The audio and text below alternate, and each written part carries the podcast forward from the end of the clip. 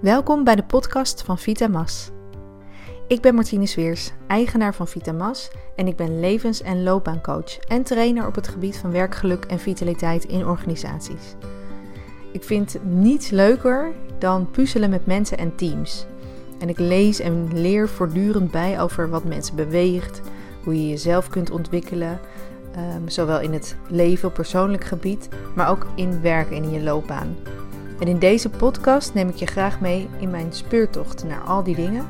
En ik deel van alles over leven, loopbaan, maar nog veel meer. Alles voor een mooi leven in deze Mooi Leven podcast. Veel luisterplezier. Podcast 26. Wat zie je? Vaak is van buitenaf veel duidelijker te zien wat er met iemand aan de hand is. Dat komt misschien wel omdat we voor meer dan 80% non-verbaal communiceren. Dus je kan vaak aan iemands lijf veel meer zien dan in de woorden die worden gebruikt. Gedrag is voor anderen nu eenmaal makkelijker om van buitenaf eh, te beschouwen. Je ziet het voor je, voor je gebeuren. En naar jezelf moet je echt voor de spiegel gaan staan om echt te zien wat je allemaal doet met je lijf. Bijvoorbeeld iemand die slecht nieuws krijgt, die stil is, maar met bijvoorbeeld een hand voor de mond en nee schudt. Dat is heel duidelijk, toch?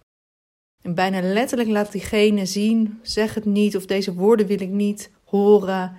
Uh, ik wil niet dat het waar is. Uh, dat nee schudden, ik wil het niet weten.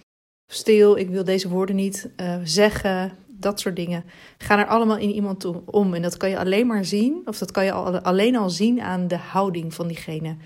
Alleen maar omdat diegene met zijn hand voor de mond nee schudt. Allemaal non-verbaal. Bij zoiets als slecht nieuws is het waarschijnlijk ook wat duidelijker. Ook voor de persoon zelf. Maar ik zie, ik zie het ook heel vaak bij klanten. En misschien herken je het ook wel bij mensen in je omgeving. Iemand die geen zin heeft in een gesprek bijvoorbeeld, die zit onderuit gezakt en met zijn armen over elkaar. Of iemand die heel enthousiast is, die kan niet stoppen met ijsberen of glimlachen of uh, uh, bewegen überhaupt. En voor anderen is het vaak veel makkelijker te zien. Maar ook bij jezelf kan je best wel nagaan wat jouw werkelijke reactie is als het gaat om uh, wat je uitbeeldt. Dus als je niet blij meer bent, bijvoorbeeld op je werk, wat merk je nou aan jezelf? Zucht je bijvoorbeeld heel vaak? Daarmee laat je zien dat je letterlijk en figuurlijk lucht nodig hebt, ademruimte. Of krap je over je armen tijdens een gesprek.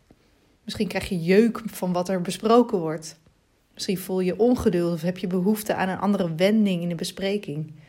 En de ene keer is het subtieler dan de andere, maar ga er maar eens op letten. Bij jezelf en bij anderen. Wat laat je zien? Wat laten anderen zien?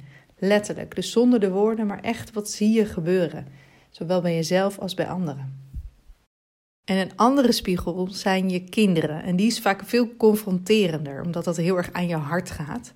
Maar lastig is omdat je kinderen zo scherp dingen van jou spiegelen, dat het zo pijnlijk is dat je het soms ook niet wilt zien.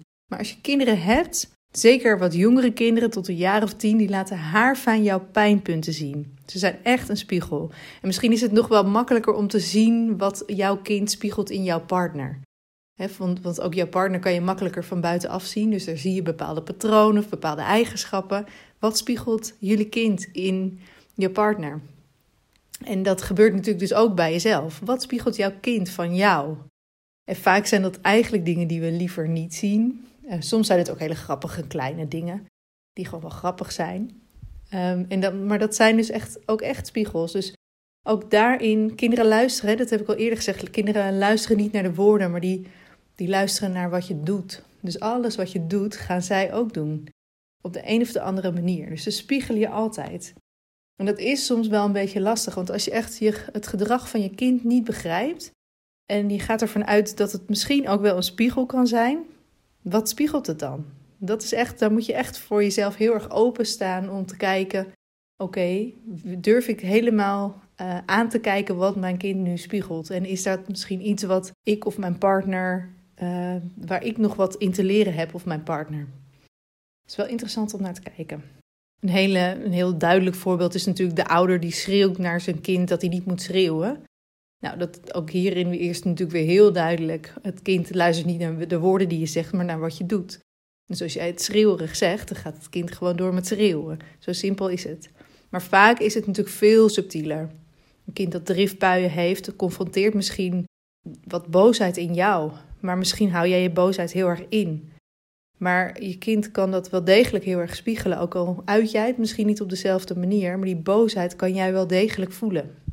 Of een kind dat heel stevig de ogen en oren dicht houdt als er een discussie is, laat zien dat het niet wil horen of niet wil zien wat er gaande is.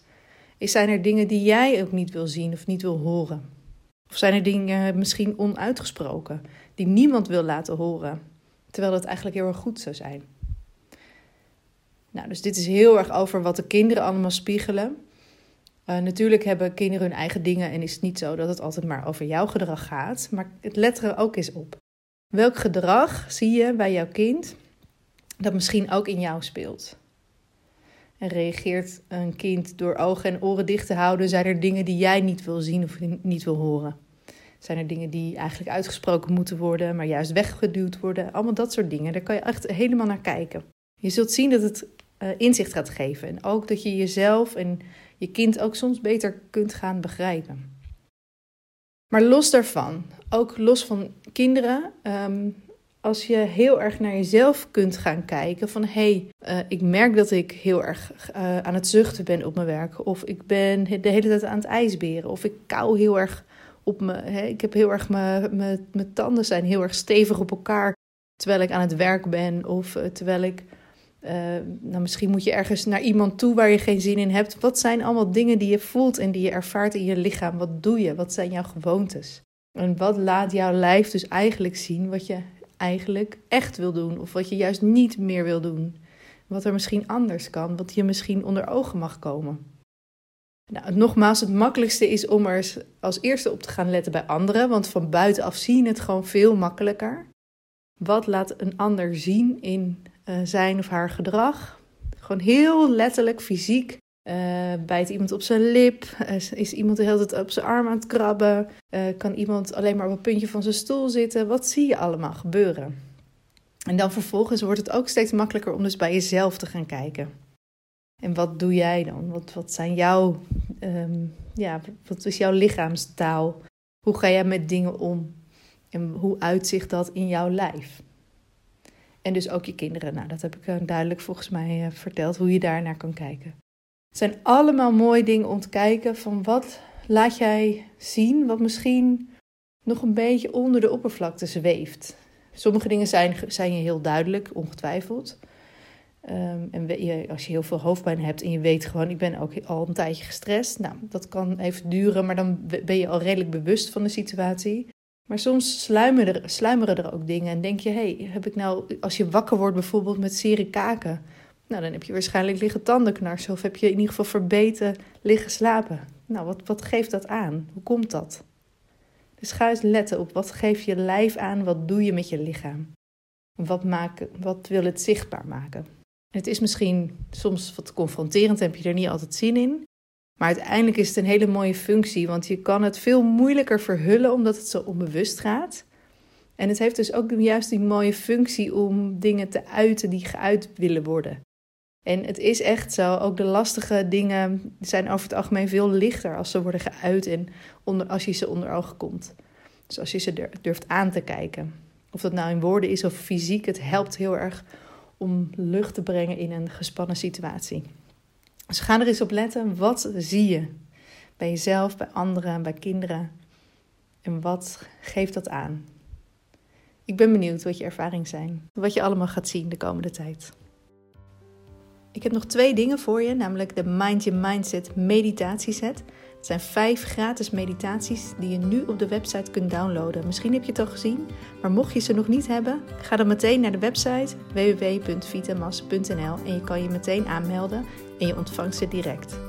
Dan heb ik nog iets anders en dat is als jij niet precies weet wat jouw volgende stap is in je leven en in je loopbaan en je wil daar in een weekend achterkomen, dan heb ik nu een korte cursus.